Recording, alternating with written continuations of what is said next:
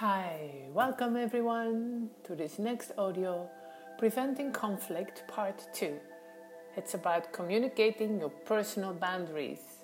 This session is a follow up of Preventing Conflict Part 1. If you haven't heard that part yet, please go and do so first. My name is Mia van Steenwinkel, and this audio is one in a series on cocooning smart for students. When I grew up, being the oldest of five, I was always told to, I just give in for goodness sake, for the sake of peace. Because after all, I was the oldest. I had to be the wisest. So, yes, I became good at mediating conflicts and maybe at having an overview of situations. And these are good things, but I also became good at swallowing my own needs and my hurt for the sake of keeping the peace. So inside, frustrations were sometimes piling up, and once in a while it was too much. One more straw would break the camel's back, and I would explode.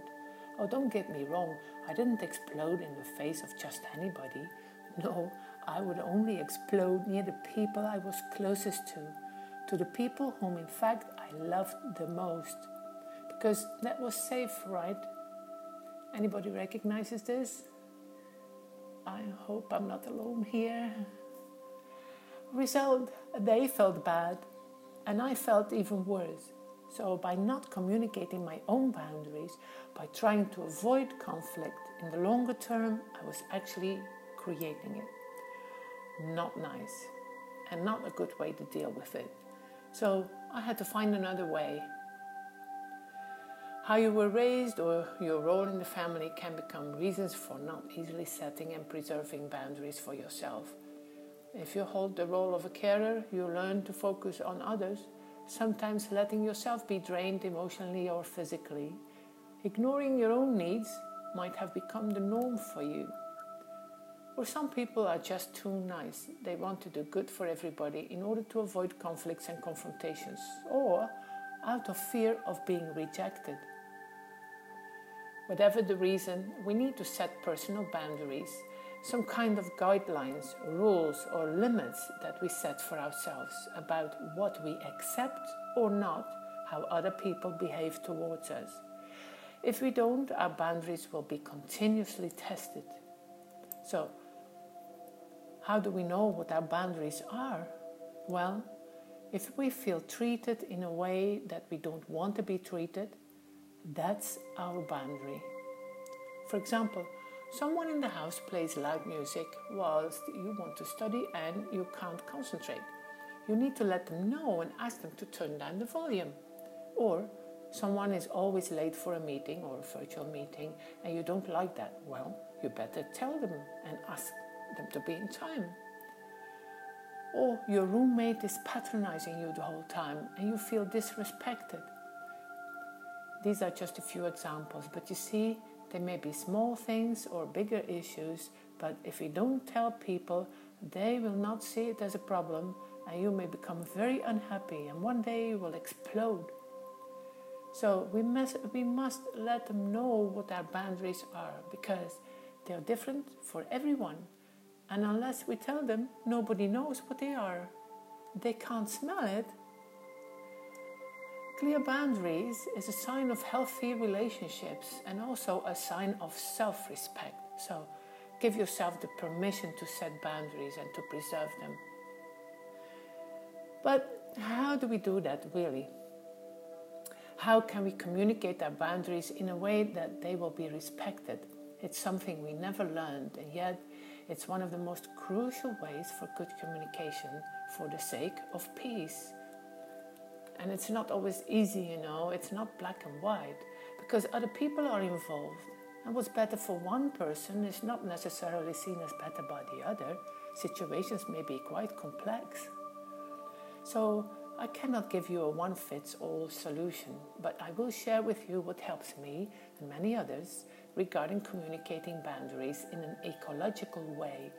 Ecological way meaning Lean, clean, not polluted with accusations, with foggy vagueness or generalizations, and leading to a result that is good for everybody. Let's take an example. Just imagine in your dorm or at home, there are people who don't clean up after cooking. You see the kitchen in a real mess, in a real mess. Dishes from the night before, not yours. Food leftovers, dirty sink, sticky floor. Can you imagine that for a second, huh? The next morning you find the kitchen left in a mess and you feel irritation about it. Welcome new day. Your mood sinks and you get irritated. I'm not saying that you have to search for situations that you get irritated by. If you don't really mind that the kitchen is not clean, then don't make it a problem, all right? It's fantastic if you don't get irritated easily.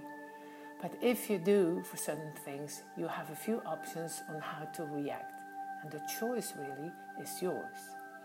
Okay, let's look at these options. Option one you don't control yourself and you explode. So, what, what, what do you think is the response is this response going to help you in the longer term? Not likely, huh? Being out of control most often leads to conflict straight away. Option number two you swallow the irritation. You tell yourself you'll take it for this time because you don't want any trouble or you don't want to be seen as difficult. So you try to ignore it and just hope it's the last time it happened. But it isn't. Will this response be helpful in the longer term? No, it will lead to even bigger conflict later on.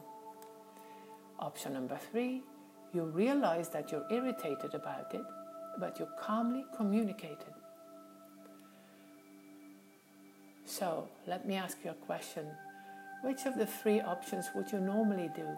What is your normal pattern? Do you easily explode or swallow things? Or do you communicate calmly? I'm sure that you agree with me that calmly communicating is the best option for a positive outcome. But I also hear you say, well, that's easier said than done, right? Yes, and you are right. Well, somebody gave me this super duper great trick. And that is you start your conversation with these four phrases in mind. Phrase number one I feel dot dot dot. For example, I feel irritated to find the kitchen in a mess in, in the morning. Or I feel disrespected. Or I feel hurt about something. Or I feel excluded in this situation, etc. We tend to accuse you did this or you did that, or even worse, you always do that. But speak from yourself how you feel about this particular action. Otherwise, you drive the other into the defense, which is the opposite of what you want. Nobody can argue with your view of how you feel. And besides, hurting you was most probably not the intent of the other person anyway. We are making a big and dangerous assumption if we think the other person did it to hurt us. This idea that hurting you was most probably not the intent of the other person really helps us to stay calm. They probably didn't even realize it. They didn't realize that this was important for you. So maybe they just wanted to clean the kitchen later on. Who knows? When you start when I, with I feel, you have a much better starting position for a conversation. Okay? Then, phrase number two I don't want anymore. This is when you express precisely and clearly what it is that you don't want. For example, I don't want to, the, to find a uh, I don't want to find a messy kitchen in the morning with dirty dishes from the night before, empty bottles everywhere, and a sticky floor. Be very specific. What exactly is it that upsets you? Because otherwise, they have no clue. For them, there is no problem. All right, phrase, num- phrase number three I do want, or I would like, that's a bit softer. I would like to be able to use the kitchen without having to clear the mess of others first. Okay, so far we have I feel I don't want, I want, or I'd like. And finally, phrase number four I'm asking you, eh, I'm asking you to wash and dry your dishes straight after dinner and to make sure that the kitchen is as you would like to have found it and ready for the next person. Neat and clean, dishes done and in the cupboard, cooker shiny, empty bottles cleared, and floor wiped if it's sticky. You see, very specific. Because clarity is crucial. You'd be surprised how many conflicts can be resolved just by getting clarity between all parties involved. So, in summary, these are the four phrases that can make the difference between feeling in hell or in heaven with the people you live with. One, I feel. Two, I don't want. Three, I do want. And four, I'm asking you. And if I may, can I share with you another really golden piece of, of advice? You ready? Start early. Express your frustration straight away. Don't wait. Don't think, oh, it's something small, it's not worth mentioning. Because you know what? When it's something small, you can say it with lightness and a sense of humor. I know a shared coffee room where some people never wash their coffee cups after use.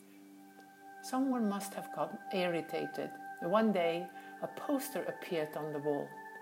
It was a cartoon of T Rex, the dinosaur. And you know what the caption was? The caption was I can't wash coffee cups because my arms are too short. What's your excuse? Clever, huh? it made me laugh. And you know what? I always wash my coffee cup out now.